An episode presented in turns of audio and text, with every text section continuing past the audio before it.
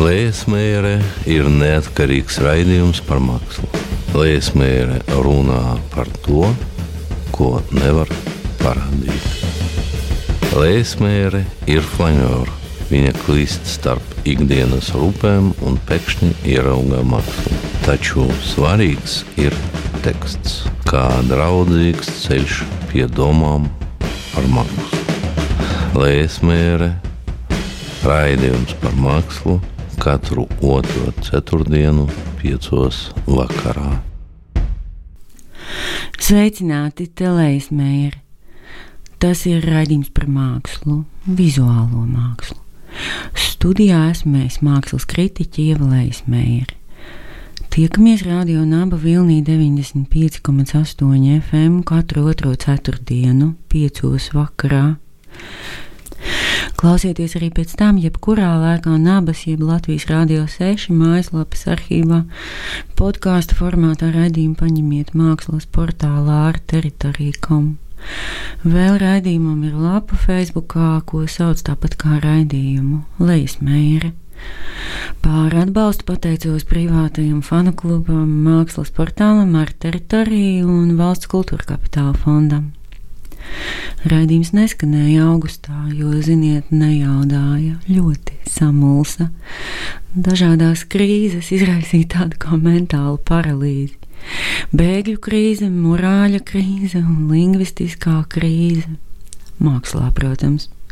Visas trīs kaut kā ļoti jau cieši sadavās rokās šoreiz un dodas joprojām kādā kopīgā, nepatīkamā virzienā. Bet nu tikko izdevās abstrahēties, tā raidījums traucās pie jums, darbie klausītāji, un te nu ir o, neliels augusta atmiņu serpentīns, drauga plecs un divas sarunas. Nē, citā secībā - serpentīns, sarunas un plecs. Ievēlējies mēre uzskata, ka teksts par mākslu arī ir māksla un sarunā par redzamo ir pats interesantākais vispār dzīve. Izņemot seksu un naudu, protams. Liesmēra raidījums par mākslu katru otro ceturtdienu, piecos vakarā. Vēsā augusta siltākie mākslas iespaidi saistās ar divām lieliskām fotoizstādēm. Latvijas fotografijas muzejā bija Aivara Liepiņa personāla izstāde Man patīk dzīvot uz salas, un Kīma laikmatīgās mākslas centrā joprojām līdz 12. septembrim apskatāma Sofijas Tunas izstāde Es neko neatceros, ienākot izvairīgajā Zentes Dzividzinskas arhīvā. Aivara Liepiņa izstādes sakarā atkal bija jāpadomā par vienu no minētajām krīzēm, proti, lingvistisko, jo tā nu ir sanācis, ka nu pat jau katrs teksts, kas neslimo ar šīs krīzes izraisītajām kaitēm, šķiet aizsargājama vērtība. Izstādē bija divas daļas, jeb divas salas. Pirmajā stāvā kundziņa sala, otrajā siksala. Īpaši kundziņas salas teksti un fotografijas veidoja ārkārtīgi krāšņu, dāsnu, niansētu, glezniecisku, detalizētu ieskatu autora dzimtajā salā. Siksels stāvā savukārt vairāk portretu, skumju un ziemas bet abu stāvu galvenie varoņi ir autora uzmanīgais, vērīgais skatiens un izcilā kompozīcijas izjūta gan saturiska, gan formāla. Oi, un neticami jūtīgā melnbaltās kopēšanas tehnika. Bet uz Kimu dodieties tātad vēl līdz 12. 11. septembrim, un kā jau ierasts šai vietā, ierēķiniet laiku, jo gan Zentes Dzividzīnskas arhīvs, gan Sofijas Tunas ienākšana, jeb iekopēšanās šajā arhīvā prasa nopietnu ieguldījumu arī no skatītāja. Šai izstādē ir gana liela publicitāte. Varat palasīt intervijas ar autoru un kuratoru Zāni Onskulu gan fotokvartālā, gan kultūras dienā, gan vēl šur tur. Tāpēc vairāk pievērsīšos kādai grāmatai, kura vēl tikai iznāks, tāpēc par tās publicitāti vēl neko nezinām. Un kādai izstādē, kas ir tik nomaļā vietā un tik īsu laiku, ka diez vai paspēs kādu publicitāti sagaidīt. Proti, turpmāk klausieties sarunas ar Māri Bišofu un Ievu Putniņu. Māra Bīšofa grāmatu, kas drīzumā kaut kad septembrī iznāks Valtra Dakšas izdevniecībā, sauks 444 ideju ilustrācijas. Žēl, jo iepriekš, kad piekritu rakstīt šai grāmatai tādu kā priekšvārdu, tai vēl bija kārtīgs nosaukums, proti 444 ideju zīmējumi vai 444 ideju zīmējumi. Bet, nu labi, lūk, vēl pirms grāmatas iznākšanas aicinu paklausīties sarunu ar mākslinieku. Kad es skatos šitos blāķus ar, ar tiem zīmējumiem, tie ļoti daudz ir. Un es sāku skatīties jau kuru reizi, un es domāju, nu kas te ir? Te nekas tāds foršs nav. Un tad es skatos tālāk, Un tad viņš sāk uz mani iedarboties visās. Un tad es sāku domāt, tas ir fantastiski, vai ne? Jo es ieeju tajā procesā iekšā, tajā skatīšanās procesā, un tas mani pārņem. Un tad es domāju, o, tas ir ļoti labi, bet tas sākums ir jocīgs, vai ne? Kad es sāku skatīties tos pirmos. Nu, tāds zīmējums, vēl viens šāds, tāds, tad atkal kāds. Bet pēc, varbūt pēc 20, pēc 25, 30 zīmējumiem tas sāk iet. Tādi ir man tā, tas man sakamais ir šobrīd. Kad jūs eh, skatāties tās vairākās reizes, tad var pieņemt, ka ir kaut kāds brīdis, eh, kad jūs vairs neskatāties kā autors. Nu, es nezinu, kā tas ir. E, acīm redzot, ne kā autors. Tā varētu būt. Man tas nebija ienācis prātā, bet tā varētu būt. Es vienkārši skatos kā, kā mākslinieks, teiksim tā. Es domāju, ka jebkurš uh, skatās to kvalitāti, kas tur ir, un es nedomāju par sevi tādu. Un kad es zīmēju, es arī nedomāju par sevi. Un tā zīmēšana ir bieži kā spēlēšanās. Es paņemu zīmolu, jo es bez tā nevaru dzīvot. Man jā, visu laiku jā, jāzīmē. Ir. Un kad es esmu vakarā noguris, es švīkāju kaut ko. Un es nolieku to malā, un no rīta es skatos, ej, tas baigi labais. Un tad es varbūt piestrādāju, jeb kādreiz neko nemainu. Tas ir vakarā, kad es esmu noguris un pilnīgi, kā to saka, raslabils, atbrīvojies no visa. Bet tos arī nevar nekādā ziņā uzskatīt par dienas grāmatas statusa kaut ko. Tas nav arī tas. Sakiet vēlreiz, tie nav kas? Tie nav dienas grāmatas ieraksti. Nē, nu, nu, protams, pārāk tā nozīmējot tā tās ir domas, kas klaiņo gaisā, galvā, eh, televīzijā uz ielas tāds ir tie kaut kādi iespaidi, vai ne? Un visbiežāk ir tā, ka vispār nedomājot ne par ko, paņem zīmolu un tur sāk kaut kas veidoties. Bez kādas domas. Kādreiz to domu var pievienot vēlāk. Jaunībā es visas bildes izdomāju. Iepriekš? Jaunībā, kad es biju jauns un ka es nemācīju zīmēt. Un man bija liela panākuma. Es visu izdomāju. Man bija panākuma Amerikā, jo es varēju izdomāt labāk par visiem. Jo tas vienmēr bija, kon, saka, kontroversiāli. Tas bija tāds, kas, kad cilvēkiem muti pavērās. Te man vēl šodien raksta no Amerikas, kur tu tās idejas, nu viņi angliski to saka, vai ne? Kur tu tās idejas ņem? Vai ne tie ir cilvēki, kas šodien strādā vēl, un viņiem bieži vien ir skaudība, jo viņi nevar to zīmēt, ko es zīmēju, jo es esmu brīvs. Viņam tomēr jādomā, vai viņus publicēs. Vai ne, jo viņi vēl joprojām ir saistīti ar kaut kādu darbu, no kura nauda nāk ir tāds izcils mākslinieks, Angerer, tā, tā mana vārna ir. Ir tāds izcils mākslinieks Tomijs Angerer, kurš uzzīmēja seksuālu grāmatu. Un viņam nedēļa vairs pēc tam darbu pie bērnu grāmatām, pie ilustrācijām, kuras viņš ļoti labi taisīja. Viņš nedabūja vairāk darbu, jo tas bija cauri. Teiksim, es te varu darīt, ko es gribu, jo es neesmu atkarīgs no viena. Man ir labākais laiks dzīvē, un es esmu šobrīd labāks mākslinieks, kā es jebkad esmu bijis. Jo es esmu brīvs, un es to daru tikai savai baudai. Man nekad nav jādomā, vai tas e, labi ir tam rakstam vai tur viss kārtībā ir. Tās ir ilustrācijas. Tu nevari taisīt vienam New York Times, ja Washington Post, ja Time Magazine kaut ko no savas galvas. Tev ir jātaisa tas, tas, tas ir biznesa. Tā, tas ir supermarkets. Tev jātaisa to, ko viņiem vajag. Man ir viena tāda neskaidrība. Tas ļoti, ļoti triviāls apsvērums, bet no vienas puses arī nu, tāds sirds šķīsts. Viena lieta, ko var ļoti ar lielu prieku Eh, un cieņu ievērot jūsu darbos. Runāsim tīri tematiski, ja jā, tā sausi. Jā. Eh, ir visādi brīnišķīgi dzimumu orgānu atveidi. Un es domāju, kā tas tā ir. Man ir vienkārši privāta eh, pieredze mhm. ar savu bērnu, kurš mhm. piedzimst un zīmē cilvēkus godīgi, ar, ar visu mīlestību un cieņu pret pasauli un, un dzīvām būtnēm.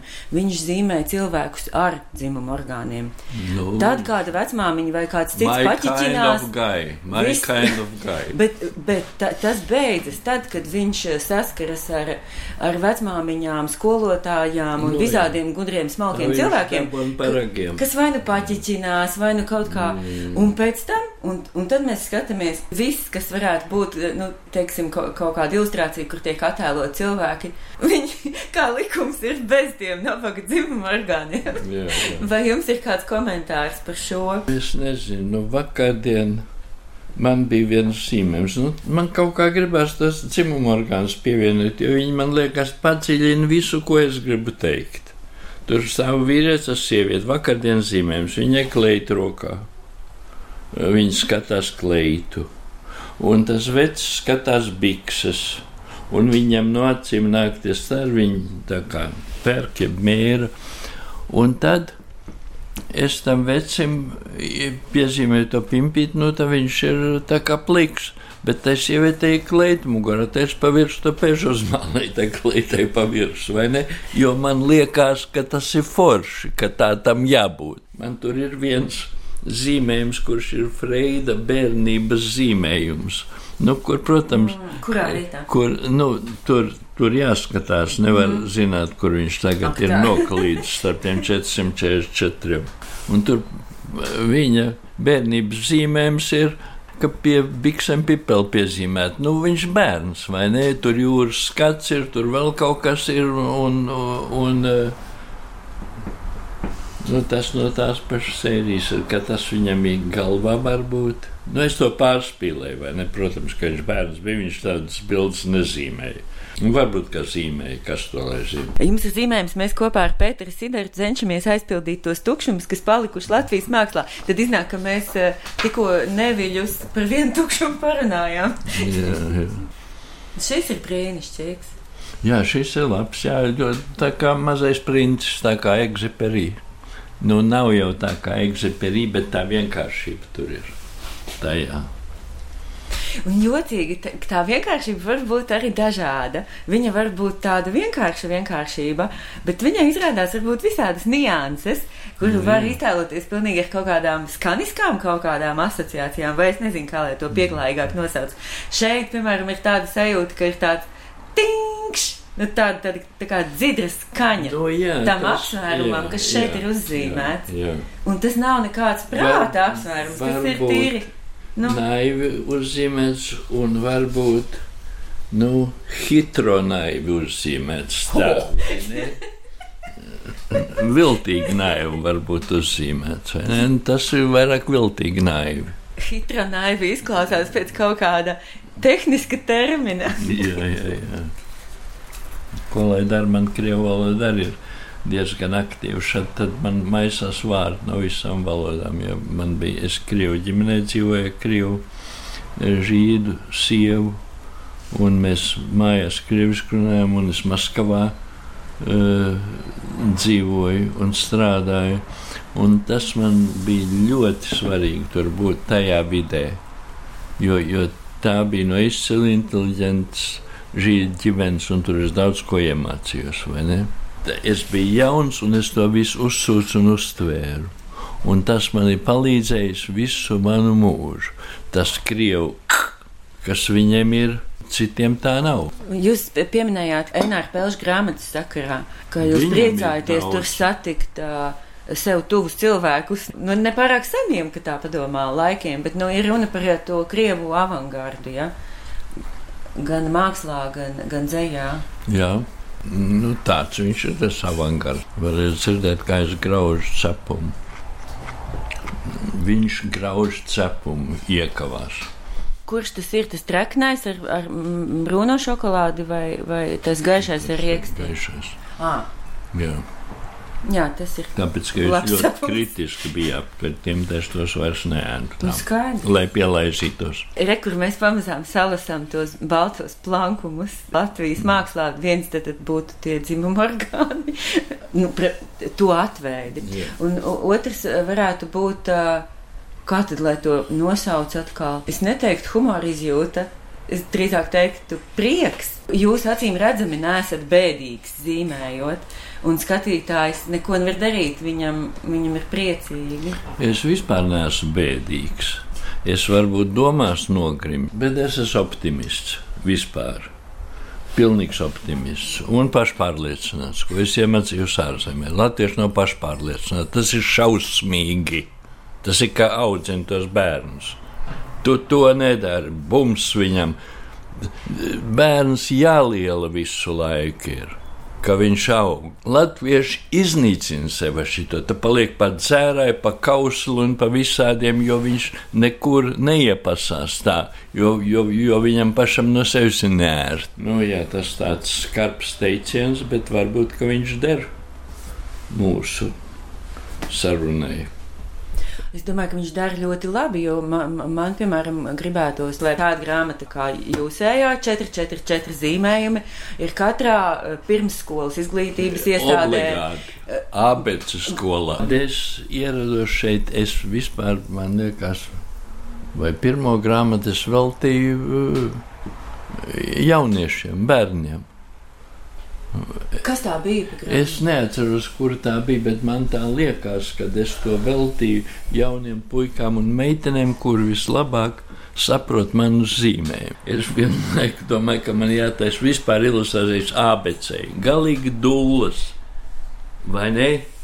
Un ka Ideāli. tas būtu tas tiem bērniem sākt riteņus kustināt. Nu, man bija tāds zīmējums, kur varbūt bija viens kvadrāts, un es nezinu, puscilvēka siluets varbūt tur bija pleci, galva un otrs plecs, un tas bija viss. Un es uzrakstīju, tas ir zīmējums.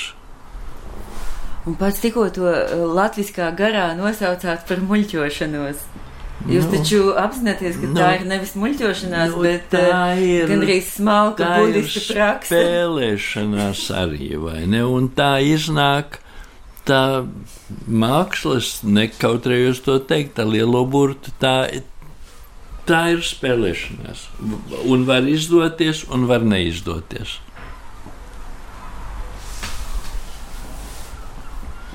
Un tā, tā ir daļa no mana darba, ko es daru. Tad, tad, tad, tad tādas lietas parādās. Jūs bijāt pa, pazīstami ar Ilmāru Blūmbergu, droši vien. Jā, jā. Jā. Es, es biju ar viņu, nu, nebiju tuvu pazīstams. Es vienreiz pie viņa biju, viņš, viņš eh, man demonstrēja savus darbus. Viņš vienmēr vi- par sevi runāja, pārāk daudz es uzskatu. Vai ne? Viņš bezgalīgi ilgi runāja un man visu to stāstīja. Un viņš bija tāds, ka viņš lekciju deva par saviem darbiem. Ja jūs atcerieties, bija mašīna galerijā, ko viņš griez un viss stāstīja. Un es tur gadījos blakus, tā bija ilga runāšana. Un viņš stāstīja par katru savu darbu. Nu, es nezinu. Nu, katram ir savs veids. Viņš... Man vienkārši ienāca prātā Blūmbergs, tāpēc, ka viņam arī tur bija, man liekas, pilna galva ar dažādiem tādiem konceptiem, jocīgiem par to zīmēšanu mm -hmm. un par kaut kā nosaukšanu, par zīmējumu un viss šis. Un kas, viņš, protams, ir ārkārtīgi atšķirīgs no, no, no tā, ko jūs darāt. Viņš ir labs mākslinieks, vai ne? Es to neapšaubu. Katram ir savs stils, teiksim. Uh, man viņa glezniecība ļoti maz interesē. Bet viņa zīmējumi un, tie grafiskie darbi, tur bija ļoti labas lietas. Tā glezniecība man likās, nu, nu kā lai saka, es arī tā varu, es jau negleznoju. Man ir tik daudz pašpārliecības un nekaunības, ka es varu pateikt, ka es varu tāpat kā visi. Bet protams, izslēdzot Velaskesu un Goju. Es redzēju Ņujorkā divus darbus, un es sapratu, cik viņi ir fantastiski mākslinieki. Es redzēju vienu uh, Gojas darbu. Un vienu Velaskeza darbu. Tas bija kaut kādā spāņu kultūras centrā. Un es biju mēms, ka to var uztaisīt, kā Velaskes bija uztaisījis samtainu uh, viss bija samtaina ēna ar tādām pārējām. Nu, es domāju, kā to vispār var uztaisīt. Bet jūs gribat teikt, ka kā Rembrandts jūs uzgleznot mierīgi, ja? Nē, nē, nē, nē, nē. pilnīgi nē. Vai jums prāts nekā Van Deiks, nekā neviens no, nekā, nu varbūt kā šitas te Daugaupilī Rotko, nu varbūt. Tāpēc jau es dabūju visus tos darbus, ka man bija tā nekaunība, es visur gāju iekšā un man viss deva darbu. Tur tā jau no Latvijas, tur ir simtiem mākslinieku strādā. Jūs par Ņujorkas to pētījāt? Jā, Ņujorkā. Tur tur simtiem. Es labi dzīvoju, jo man bija darbs. Viņam tā nebija darbs, tu uzglezno kādu bildi un tā gaida 20 gadus, ka tev kāda galerija to paņems. Suņa dzīve māksliniekiem. Visi strādāja kaut kur vai, vai vadīja taksīšus, jeb, jeb strādāja restorānā vai kaut kur. Viss strādāja, jo to jau netiek cauri. Es tiku cauri ar savu darbu, kurš bija patīkams, jo tas bija kaut ko, kas man padevās. Un,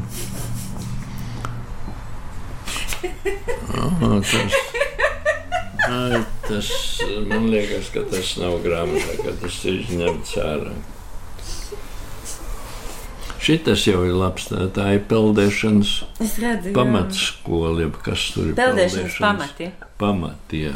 Tos, ko jūs liekat malā, mēs viņus sūtīsim uz Louvru, uz Parīzi skatoties uz čūpiņu, kur tad es eh, lieku tos zīmējumus, no kuriem man būs jāizvēlas tie slavenie jā, jā, jā. divi, jā, jā, jā. man liekas, iznāk, ka man laikam visvairāk uzmanību notur un valdzina tie minimalistiskākie, laikam, zīmējumi, un kur tā zīmējuma paša forma, viņa ir tāda netverama, ziniet, tā kā tu nosit kodi.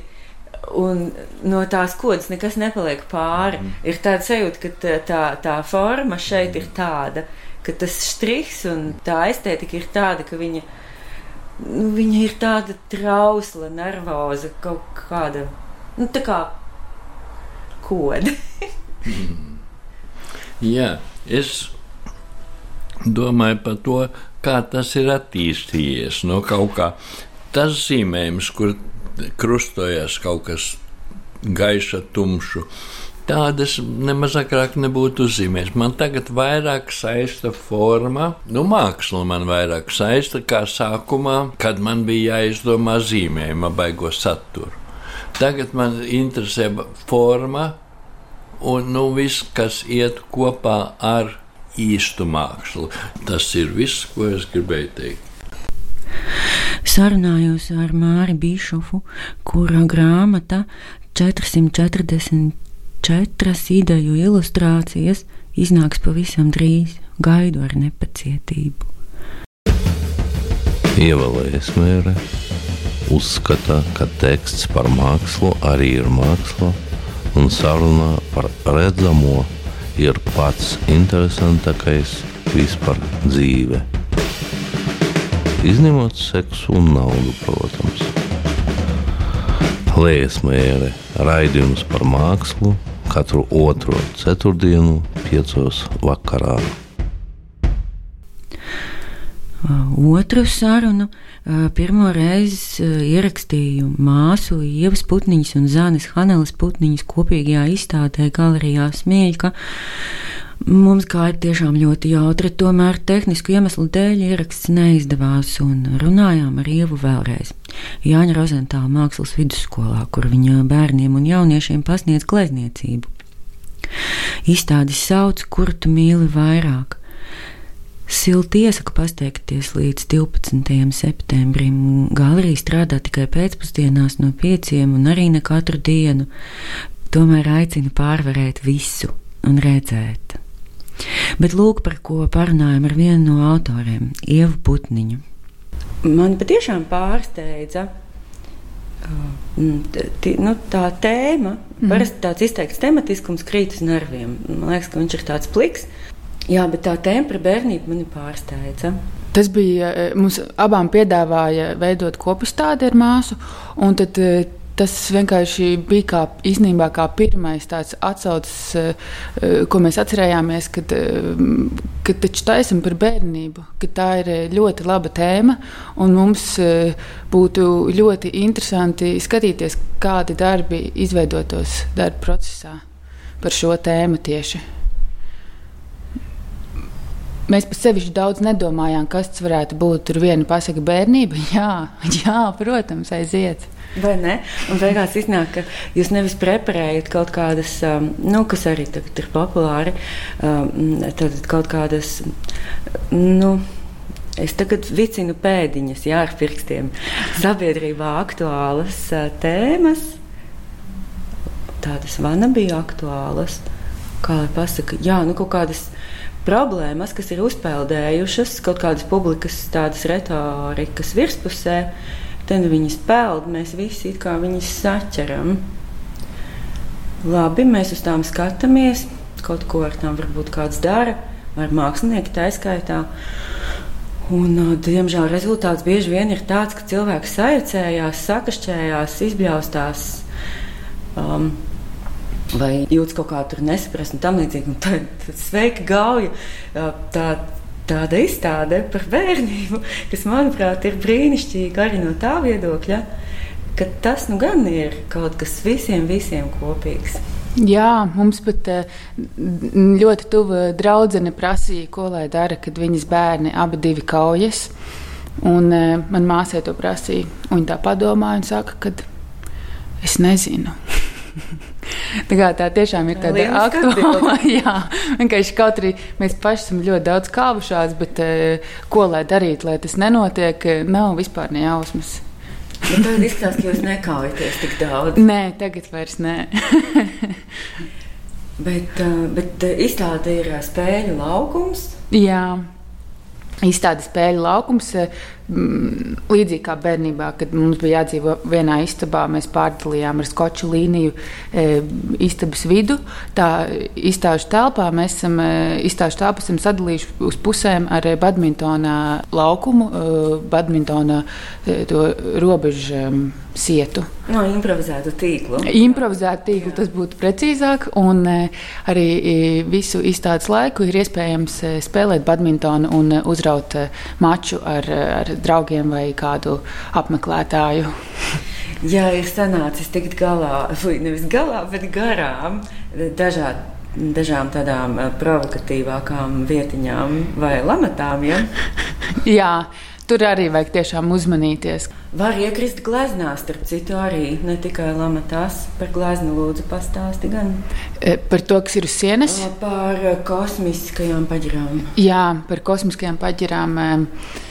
Jeb, e, tu man biji prasījis, ar ko atšķirās e, e kosmiskās paģiras no mežonīgajām. No mežonīgajām. Un, e, es par to domāju kādu laiku un sapratu, ka šobrīd es teiktu, ka kosmiskās varētu būt tādas, e, kas ir prātam neaptveramas. Um, bet mežonīgas tu vienkārši saproti, ka ir, ir, ir traki, bet to var, to var izturēt. Bet uh, glezna īstenībā. Uh, gleznas nosaukumu pēc visas spriežot ir devuši mani vecāki. nevis mēs ar māsu bērnībā. Interesanti, ka mums bija tiešām tāda reāla spēle, kur saucās Kosmiskās paģeres, kuru mēs arī spēlējām ļoti bieži. Bet, uh, tad pirms es sāku gleznot, sāku mēģināt atcerēties, uh, kas tur kādi bija noteikumi un kas tur bija uh, jādara. Un man nenāca prātā neviena bilde, vienkārši tukšs laukums. Tad es sāku veidot pati savu interpretāciju par spēlēm, par dažādām spēlēm un apvienoju to vienā gleznā, kuras nosaukums ir Kosmiskās paķiras. Ai, jā, un izstāsti vēl par to, kas, kas ir tas vienojošais tajā gleznai. Nu, tāds kā vizuāls tāds. Tas nav fons, tas ir tāds tā kā pamats. Tu ļoti skaisti stāstīji, kā tu pārbīdi kaut kādas kontinentus. Jā, tur eh, fonā ir, ir eh, tādi teiksim, tā, e, vienkārši izsakoties krāsaini laukumi, bet e, tieši tajā glaznošanas procesā man e, tiešām bija tā sajūta, ka es bīdu kontinentus. Un, un kaut arī tā, it kā tas darba procesā ir kaut kas ļoti maziņš, ar ko tu strādā, tā sajūta ir ļoti liela un varena. un ar to glezniecību vēl ir interesanti. Nu, labi, viens ir tie personāļi vai tie elementi, kas tajā kosmosā tur plivinās, vai izlien kaut kur, vai pa kaut kādu caurumu, vai kaut kā nu, tur parādās drusku. Bet, eh, bet interesants ir tas um, viss tas uh, kontinentu pārbīdīšanas pamats tajā gleznē. Jo viņš kā ir nu, no pirmās uzmetiena tāds ornamentāls. Jā. Jā. Ne, nu, nekas jau nebūs. Jā. Un tad, kad viņā ieskatās, tad kaut kas gan sāk notikt. Kā, nu, ne, ornamenti jau arī šito var dabūt gatavu, bet tur ir vēl kaut kas notiek. Jā, skatītāji, lai tik iet un skatās. Jā, vispār to gleznu es arī biju. Ja mēs vēl paturpinām par to, tad, kas man liekas svarīgi, kā tu jūties tajā konkrētajā dienā, tad, tad to arī vajag maksimāli ielikt iekšā tajā gleznā. Un es uh, gleznoju. Um, kas parasti nav vislabākais veids, kā to darīt, bet sākot no vienas stūra. tā kā printeris. Nekas, nekas neliecina. Uzreiz nevis no vienas stūra skicējot, bet no vienas stūra. Man viss balts. Ar visām krāsām? Jā, ar visām krāsām. Tā, ka eh, nākamajā dienā es nedrīkst pieskārties atkal tai vietai. E, ir jābūt, jāieliek tajā mirklī tieši tā diena un bez uzlabojumiem nākamajā. Un cik liels laukums ir vienai dienai? Nu, nu, labi, es saprotu, ka dažādi. Bet, nu, dažādi. Nu, un tā kā plauksta? Nē, nē, vairāk, divas, vairāk. Trīs? Piecas plaukstas. Mm, tāds gabals. Divas pēdas. Viena galva. Jā. Pusvēders. Vēl ļoti ievilka tā vieta izstādē, kur ir izstādīts darbs.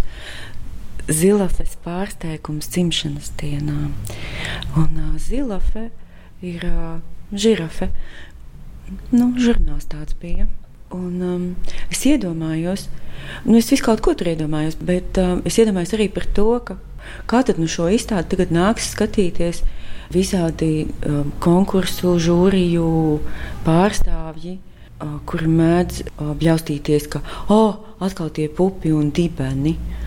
Kaut kas par sieviešu tiesību diskrimināciju, par vīriešu skatu punkta dominanci. O, tā bija.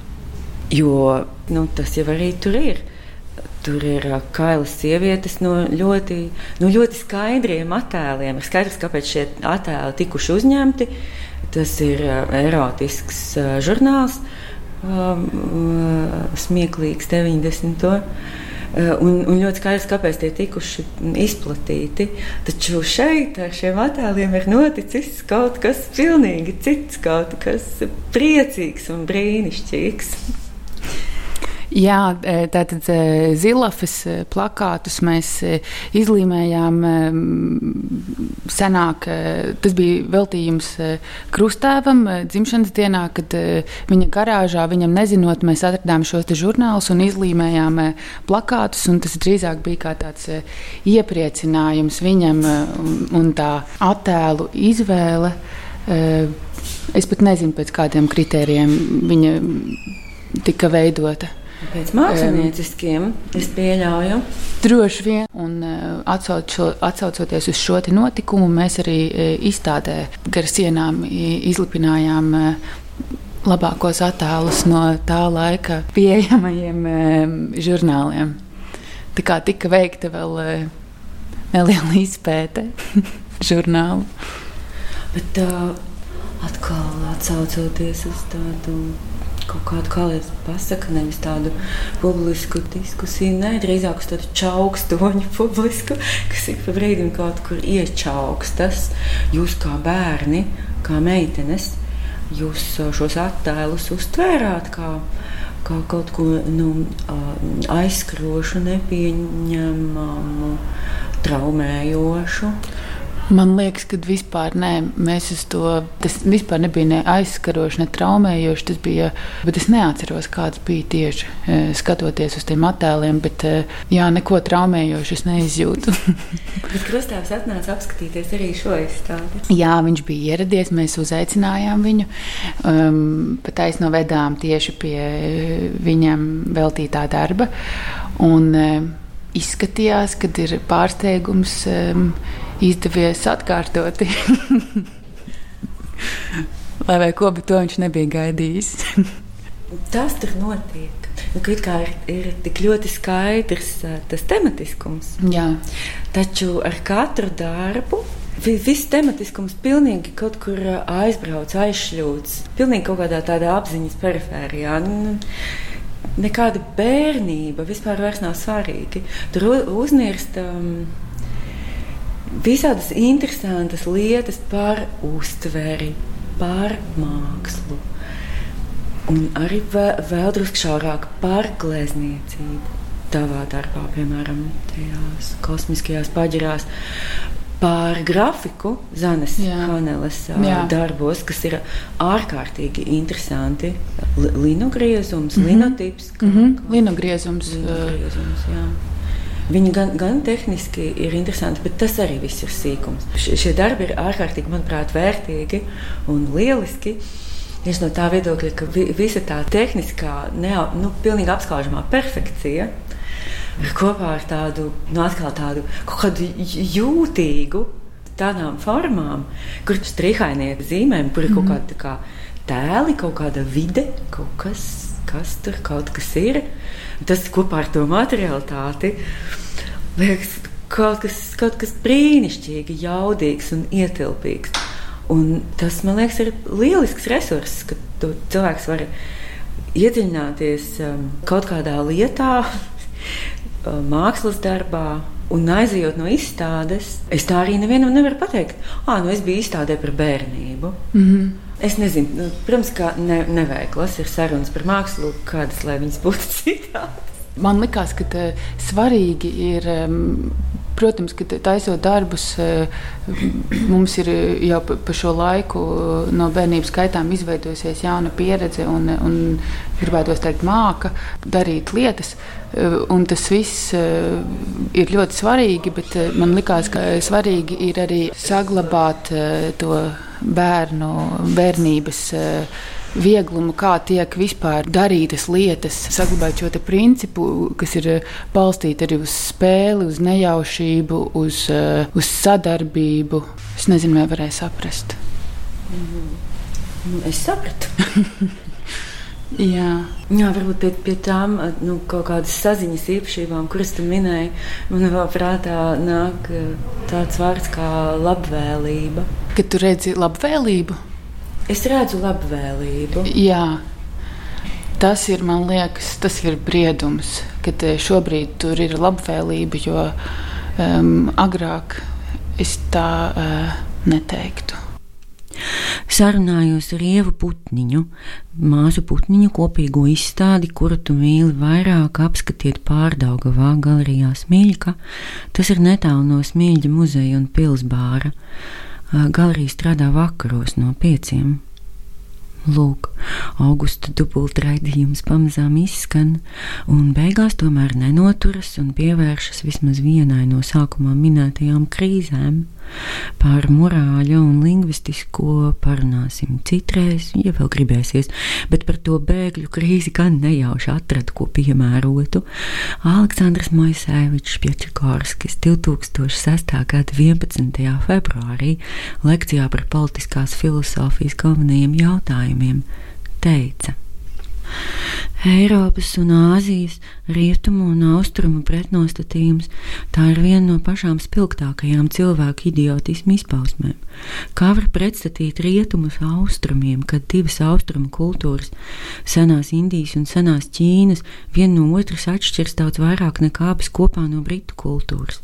Šis idiotisms ieguvis ideālu papildinājumu šizofrēniskā pasaules iedalījumā trešajā pasaulē tajā, kas attīstās četrā ar pusdaļīgā, bez daļskaitļiem te neiztikt. Tas ir viens no pēdējiem starptautiskās birokrātiskās domāšanas uzvilnījumiem. Un tad vēl lielais astoņnieks, Eiropas politiskās ilūzijas simbols. Vai jūs saprotat, ka tas ir līdzeklis, kā apvest ap stūri vidusmēra cilvēku? Viņš tic visam, kas apzīmēts ar vārdiem, tāpēc ka viņš nereflektē. Šajā nozīmē politiskā vara domāšanā var izpausties kā primāra. Tas sākās daudz agrāk, par 19. gadsimtu. Tas sākās vienā no agrīnajām mūsu Eiropeiskās valsts formām, ne jau ķīniešu vai tuvējo austrumu. Es domāju, ka strīda nebūs. Mēs dzīvojam Eiropā, kā romieši sauc vidusjūru, mūsu jūra. Grieķi atēnieši dalīja visas salas mūsu un ne mūsu salās. Tad lūk, definēsim valsti kā politiskas darbības telpu, konkrēti kā politiskas varas telpu, ko gan vispārīgos vilcienos, gan detaļās izstrādājusi cilvēka politiskā refleksija. Ņemsim kaut vai 4. gadsimtu pirms mūsu ēras, kad kāds dižens grieķis teica vēl jaunajam Maķedonijas Aleksandram: Ja vien valstu vadītāji būtu mazliet vairāk izglītoti, viņi varētu atsaukties uz šo grieķi, bet viņi pēc tradīcijas ir apburoši, izglītības neskarti, nejēgas. Reāla valsts tā ir stipra valsts. Bija polises, salas, bija kontinenta polises, Grieķu polises Melnās jūras piekrastē, Grieķu polises Mazāzijā, un tomēr valsts ideāls palika viens un tas pats gan Diogenam, Lērtietim, gan Aristotelim, gan vēlīnajiem stoiķiem. Reāla valsts tā ir stipra valsts. Patīkami skan, vai ne? Mums vajag pacelties kaut vai minimālā refleksijas līmenī un saprast, ka tad, ja cilvēks saka, visa pasaule vēlas, vai nu viņš krāpjas par lielu naudu, vai arī ir godīgs cilvēks, bet nāvīgi dumšs. Pat lieliskais angļu dzinieks Redjārds Kiplings uzrakstījis dzējoli: Jā, rietumi paliek rietumi, austrumi, austrumi, un kamēr spīd mēnesis un zvaigznes, tie paliks rietumi un austrumi. Bet robeža pastāv, aiz kuras rietumi tiekas ar austrumiem, un viņi ir viens, kad stiprais ar stipro seju pret seju pasaules malā paceļas. Tā tad vienmēr bijusi joma, kur nav bijis nekādu rietumu un austrumu. Tā ir spēka un prāta joma. Tas bija neliels fragmentiņš no kādas Aleksandra Moisēviča Pjačakorska lekcijas, um, kuras tulkotas latviski 2009. gadā un izdotas apgādā tapels. Labi, bet piesakot nākamo raidījumu par morāļu un lingvistisko krīzi mākslā, nobeigšu ar Rihārda Bargā teikumu no nemodernajām slampas meitenēm kuru gaišu zilo izdevumu vairs iegādāties nevar, bet nebēdājieties, drīz izdevniecībā Minori izdos papildu metienu, vairs negluži gaišu zilu. Bet nespoilēšu, vienkārši sekojiet krāsu aplim. Tātad, bargais. Caur skatīšanos attēli nokļūst mūsu iekšienē un dara tur, kas jādara. Līdz ar to šoreiz raidījums izskan. Studijā bija es mākslas kritiķi Ievalējas Meire. Raidījumu nosaukumu uzdāvināja Ivars Runkovskis. Čingls ierunāja Semjons Haņins un iebungoja Aleksandrs Barons. Pār atbalstu raidījumu tapšanā pateicos radiem un draugiem Latvijas Universitātes radio Nāba, portālam ar teritoriju.com un Valsts kultūra kapitāla fondam. Jācer, ka šeit rādio un abu viļņos tiekamies pēc divām nedēļām, 16. septembrī, 2017. Paldies, ka klausījāties visu gaišu! Lēsmēra ir neatkarīgs raidījums par mākslu. Lēsmēra runā par to, ko nevar parādīt. Lēsmēra ir flanjora. Viņa klīst starp ikdienas rūpēm un pēkšņi ieraugā mākslu. Taču svarīgs ir teksts, kā draudzīgs ceļš pie domām par mākslu. Lēsmēra, raidījums par mākslu katru otro ceturtdienu, piecos vakarā.